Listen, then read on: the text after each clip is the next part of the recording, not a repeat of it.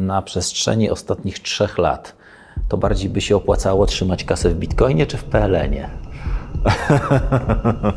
Bo Bitcoin spadł od szczytu tamte powiedzmy 60 kilka procent. A ile PLN do dolara spadł? Wbrew pozorom niegłupim e, sposobem jest też gdzieś tam zabezpieczenie tego klucza na przykład u notariuszy. Teraz zasada mówi nie trzymaj środków na giełdzie. E, bo giełdy dzielą się na te giełdy, które zostały schakowane i te, które będą. Zostańcie finansowymi prepersami, e, przygotujcie się zawczasu, żeby nie mieć problemu, jak już się coś wydarzy, tylko być zawsze przygotowanym pod kątem finansowym. Jacek Jakubiak, witam Cię na kanale Finansowy Preppers. E, zaczęliśmy taką serię e, o tym, jak mm, będzie tutaj źle trochę, niewygodnie, żeby można było się przenieść gdzieś dalej e, spokojnie z majątkiem. Ja obiecałem Wam odcinek o kryptowalutach, nie tylko o złocie, o mm, jakichś tam systemach bankowych, kontach. Wiem, że w komentarzach cały czas piszecie, kiedy te kryptowaluty, kiedy te kryptowaluty i właśnie nastał ten moment. Dzisiaj ze mną jest Mike Satoshi, którego już do, na pewno dobrze znacie i porozmawiamy sobie technicznie, jak e, te kryptowaluty nabyć, przenieść i czuć się z nimi bezpiecznie. Cześć Mike. Cześć, dzięki za zaproszenie. Jesteśmy zieloni w temacie. Wiemy, że kryptowaluty pozwolą nam e, łatwo przejść e, przez, na przykład przez bramki e, na lotnisku, przez inne rzeczy. Będzie to trochę łatwiejsze na przykład niż 100 milionów w złocie, tak jak mówiliśmy w tak. ostatnim odcinku.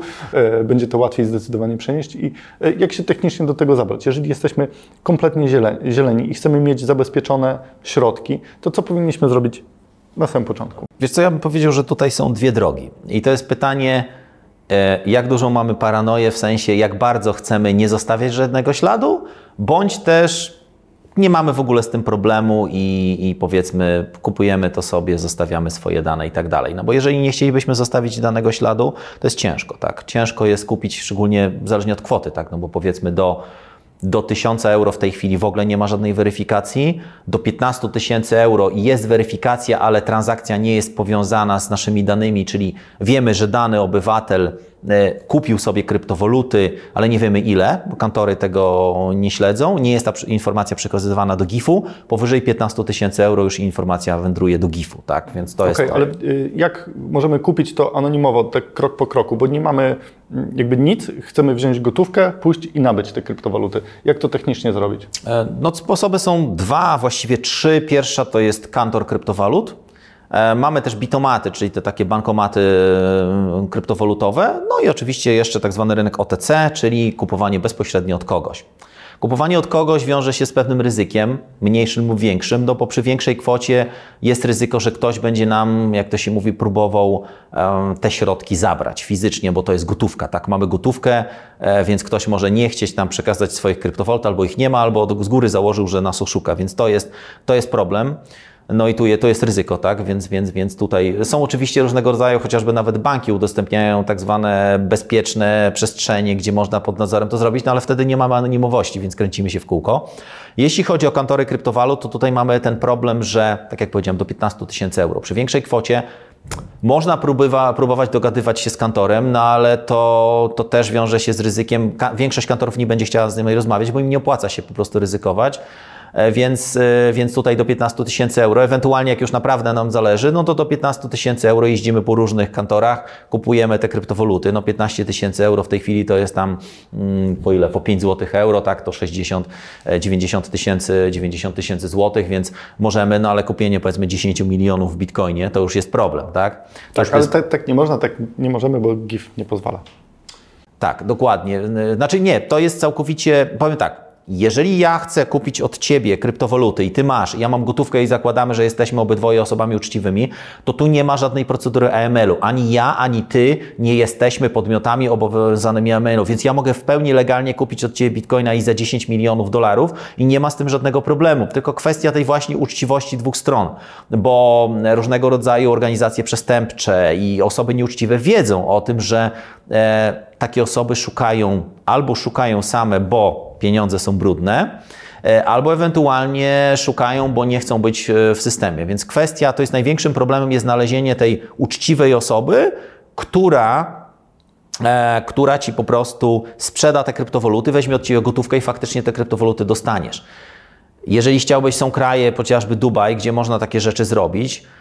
Z drugiej jednak strony, no, przewieźć tyle pieniędzy przez, przez lotnisko. No nie ma tej możliwości. W Unii Europejskiej teoretycznie wsiądziesz w samochód i przejedziesz. Nie ma kontroli granicznych, więc możesz gdzieś pojechać. Więc to jest największe wyzwanie, żeby coś takiego zrobić. Chociaż wiem, że są przykładowe, że ktoś faktycznie ma dużą gotówkę i chce dokonać takiej transakcji, to bardzo często kantory kryptowalut oferują taką usługę na zasadzie E, znalezienia, czyli ta transakcja jest pomiędzy mną a tobą i wtedy jest faktycznie, oni pomagają w tej transakcji, ale oni nie są e, tą zaufaną trzecią stroną, która dokonuje tej transakcji. Więc, więc takie rzeczy na tym rynku OTC są, ale bardzo trzeba się pilnować, to od razu uczule, naprawdę bardzo trzeba się pilnować, trzeba być wręcz, mieć powiększony poziom paranoi, bo przy dużych pieniądzach jest bardzo duże ryzyko. Także to jest, to jest problem, to jest, no, nie ukrywajmy, to jest poza zasięgiem większości, większości osób, więc powiem Ci szczerze, że no ciężko by było tak całkowicie anonimowo w tej chwili za dużą kwotę kupić kryptowaluty. Albo czekać je jeżdżenie, obierzenie pół Polski i, i kupowanie i to też na zasadzie za każdym razem z nowego adresu, czy na nowy adres bardziej, nie powiązywać tego, albo no niestety przejście jakiej, jakiejś formy weryfikacji. Czyli y, dobra jest dywersyfikacja portfeli i Pytanie jeszcze w co, bo w zasadzie wiesz, kupowanie kryptowalut wiąże się z ryzykiem kursowym i dużo ludzi jakby ma w głowie kryptowaluty to Bitcoin, Bitcoin to duża zmienność. E, I okej, okay, idziemy w stronę stablecoinów, czyli jeżeli chcemy przytrzymać jakby tą gotówkę, ale których, nie? Bo są różne Y, pytania, czy Tether dowiezie to, co ma dowieść, czy, czy nie dowiezie i który, y, jakby w którą stronę mamy iść, nie? A ja bym powiedział przewrotnie, a na przestrzeni ostatnich trzech lat to bardziej by się opłacało trzymać kasę w Bitcoinie czy w PLN-ie? Bo Bitcoin spadł od szczytu tamte powiedzmy 60 kilka procent. A ile PLN do dolara spadł?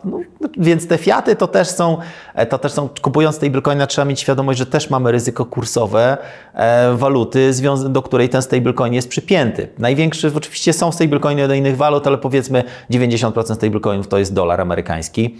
No pytanie, czy dolar jeszcze urośnie, czy będzie jakaś korekta. Jeśli chodzi o ryzyko stablecoinów, mamy tak naprawdę trzy główne stablecoiny. To jest to oczywiście Tether, czyli USDT, to jest USD Coin, czyli USDT i jest jeszcze Binance USD, e, czyli BUSD. To są trzy stablecoiny. Ja bym powiedział, że najlepiej mieć wszystkie.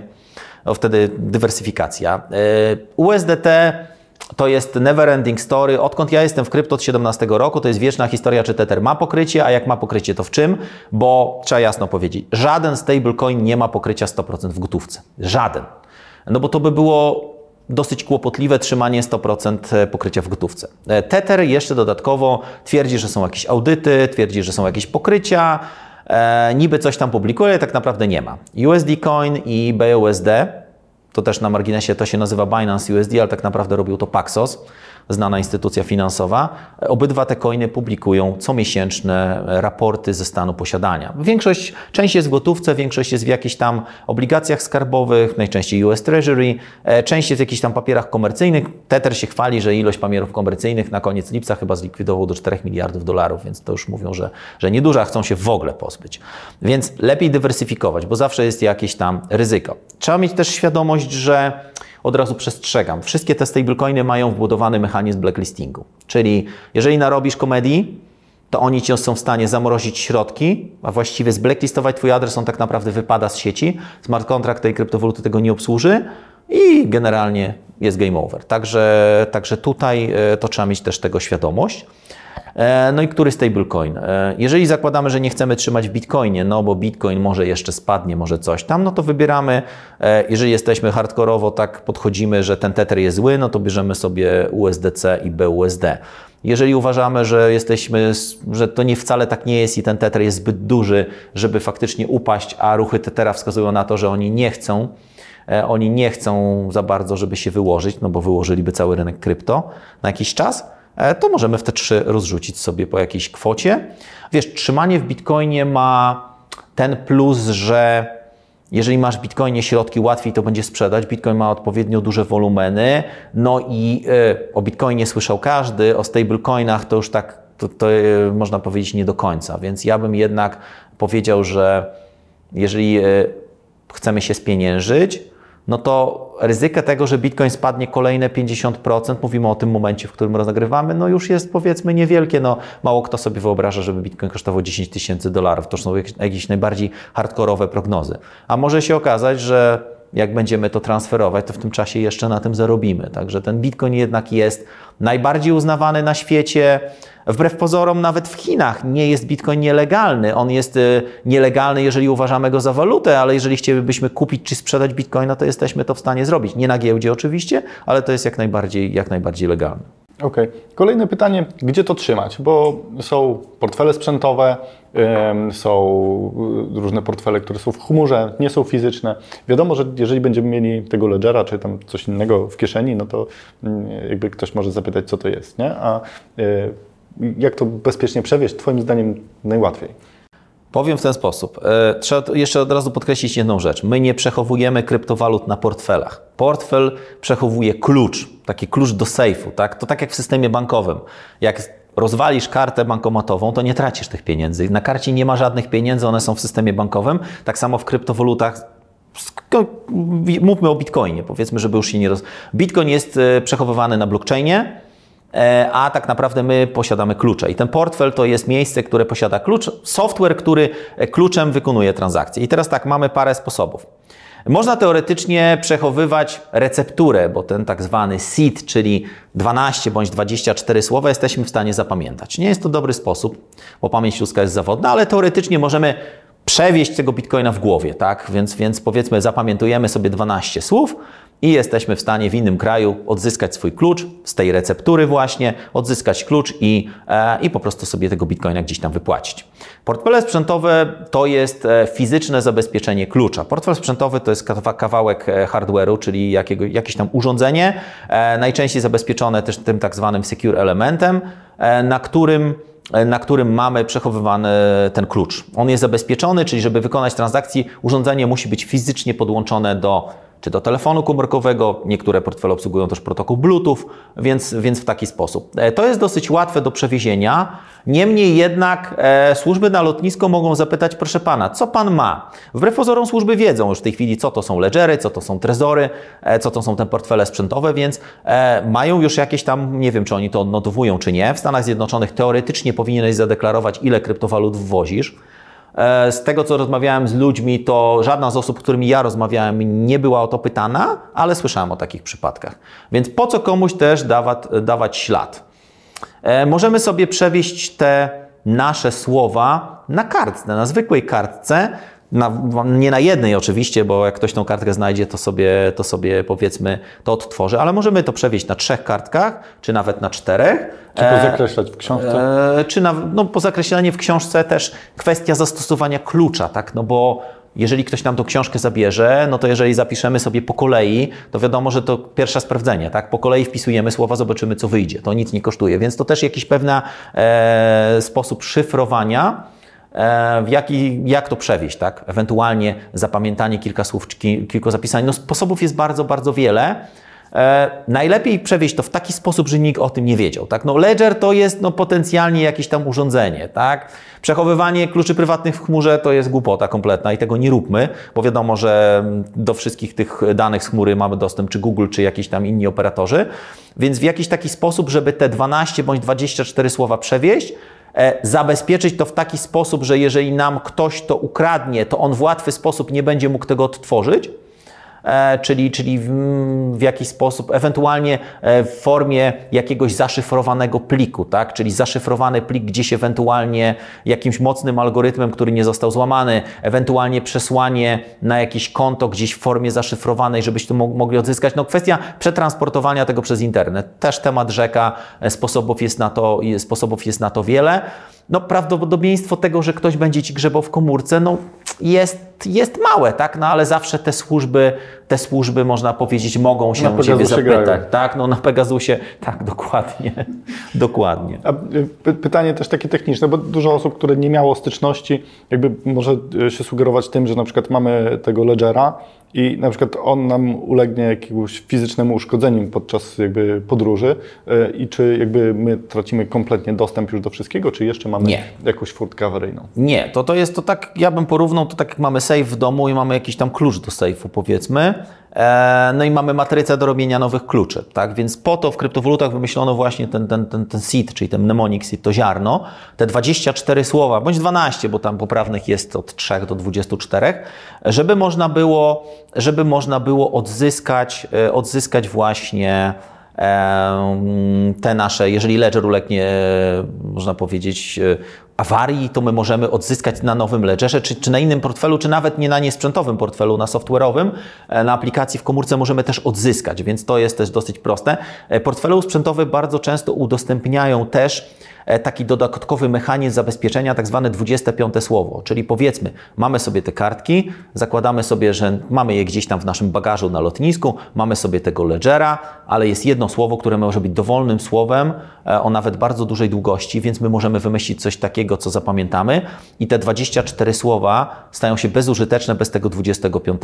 Więc to też jest taki sposób, żeby tym dodatkowym e, słowem wpisać cokolwiek, tak? Powiedzmy jakieś tam słowo wymyślone przez nas, które my zapamiętamy, ale też możemy to przewieźć. Czyli ktoś nam buchnie te kartki, on sobie je wpisuje, okazuje się, że tam nic nie ma. Portfele są puste, bo zabrakło mu właśnie tego 25 słowa. Także jeżeli zgubimy portfel sprzętowy, zniszczony zostanie, zostanie nam zabrany, to po to mamy te 24 słowa, bądź plus te 25 ewentualnie, żeby to odzyskać. Żeby to odzyskać nie ma żadnego problemu. Także awaria problem portfela sprzętowego nie jest problemem, chyba że ktoś zapomniał zrobić kopię bezpieczeństwa. No to wtedy i jakby kierunek podróży, bo wydaje mi się, że też jest e, to ważne.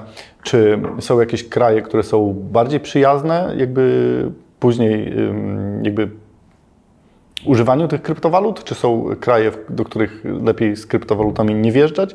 E, czy są jakieś takie podatki, czy jakieś takie rzeczy, na które możemy natrafić? Czy, czy są jakieś zagrożenia jeszcze dodatkowe? Zagrożenia, bym powiedział, że im bardziej e, cywilizowany kraj, tym mniejsze zagrożenia. No nie bałbym się jechać z kryptowalutami do Japonii, Stanów Zjednoczonych, zależnie oczywiście do której części, do Europy Zachodniej tak samo. Więc tutaj, tutaj ale do Afganistanu to już bym raczej e, ciężko, chociaż przykład Ukrainy mówi o tym, że mówi o tym, że tam, krypto, tam system bankowy już nie działał, a jednak kryptowalutami, chociażby dotacje, tak? Dotacje na, jak był początek konfliktu, e, Rosja zaatakowała Ukrainę, to dotacje były przesyłane i oni szybko byli w stanie przyspieszyć zakupy nawet broni, więc, więc to też pomagało. E, niemniej jednak, niemniej jednak powiedziałbym, że dzikie kraje to jest jednak ciężki temat z kryptowalutami, chociaż niby Afryka i Ameryka Południowa, ale to jest, wiesz, to jest też kwestia bezpieczeństwa osobistego. W niektórych krajach, szczególnie Ameryki Południowej czy Afryki, to czasami strach opuszczać dzielnicę, tak? no bo białego człowieka zobaczą, to może być nieciekawie. E, jeśli chodzi o kwestie podatkowe, to bardzo różnie jest. W niektórych krajach jest tylko i wyłącznie podatek od zysków kapitałowych, e, tak jak w Polsce chociażby, czyli płacimy od zarobku. E, w niektórych krajach jest podatek od transakcji krypto-krypto. E, w niektórych krajach w ogóle nie ma podatku. Na przykład w Niemczech, z tego co wiem, e, nie ma podatku, jeżeli kryptowaluty trzymane są rok. Czyli jeżeli masz kryptowaluty, trzymasz je rok, nie masz podatku. W Portugalii jest podobnie, chociaż świeży jest temat, że oni chcą wprowadzić jakiś podatek od krypto, i na przykład 28%, ale też na przykład e, tylko jeżeli w ciągu roku. Czyli chcą tak jakby tych ludzi troszeczkę, e, troszeczkę przymusić do trzymania tych kryptowalut. W Szwajcarii na przykład nie ma podatku, ale jest podatek od majątku. Tam jest jakiś taki podatek e, tak majątkowy, tam nie wiem, 1% czy 0,5%, czy ileś tam od, odnośnie składasz raport majątkowy. Także to jest bardzo, bardzo różnie. Nawet miałem taką kiedyś prelekcję, 12 krajów, w których nie ma podatków od kryptowalut. Białoruś jest zwolniona z podatku od kryptowalut, ale chyba raczej nikt tam za bardzo się nie, nie wybiera. To nie jest raczej kierunek ewakuacji. E, e Niektórzy żołnierze podobno uciekają. E, to jeden był taki, ale podobno już też nie żyje, także, także chyba mu wódka, zaszkodziła, z tego co wiem. E, także, także raczej migracja będzie na zachód. Tak jak mówię, Portugalia jest takim, jak mamy więcej pieniędzy, to podobno E, Liechtenstein jest dobrą taką e, jurysdykcją. Podobno tam ci najbogatsi wszyscy tam, tam są w tym Liechtensteinie, bo to jest jakieś księstwo, tak, tam też podobno różne ciekawe rzeczy są, ale tak jak z tego co wiem, to właśnie Szwajcaria, Niemcy, Portugalia to są kraje, które nie mają podatków od kryptowalut, a w innych krajach to jest naprawdę różnie. Jest kwestia indywidualnej, indywidualnej drogi. No nie wiem, czy po ostatnich sytuacjach ktoś chciałby uciekać do Australii czy do Kanady, więc więc, więc kwestia, a Stany Zjednoczone, no to też jest y, osobny temat. Tylko właśnie, widzisz, jeżeli mamy, mówimy o przeniesieniu majątku, czyli przykładowo mamy kryptowaluty, e, które, które sobie trzymamy, no i wwieziemy je do Stanów, to po prostu zapłacimy pewnie podatek od zysków kapitałowych. Tak? No kwestia pewnie jakiegoś udowodnienia legalnego, legalnego posiadania kryptowalut.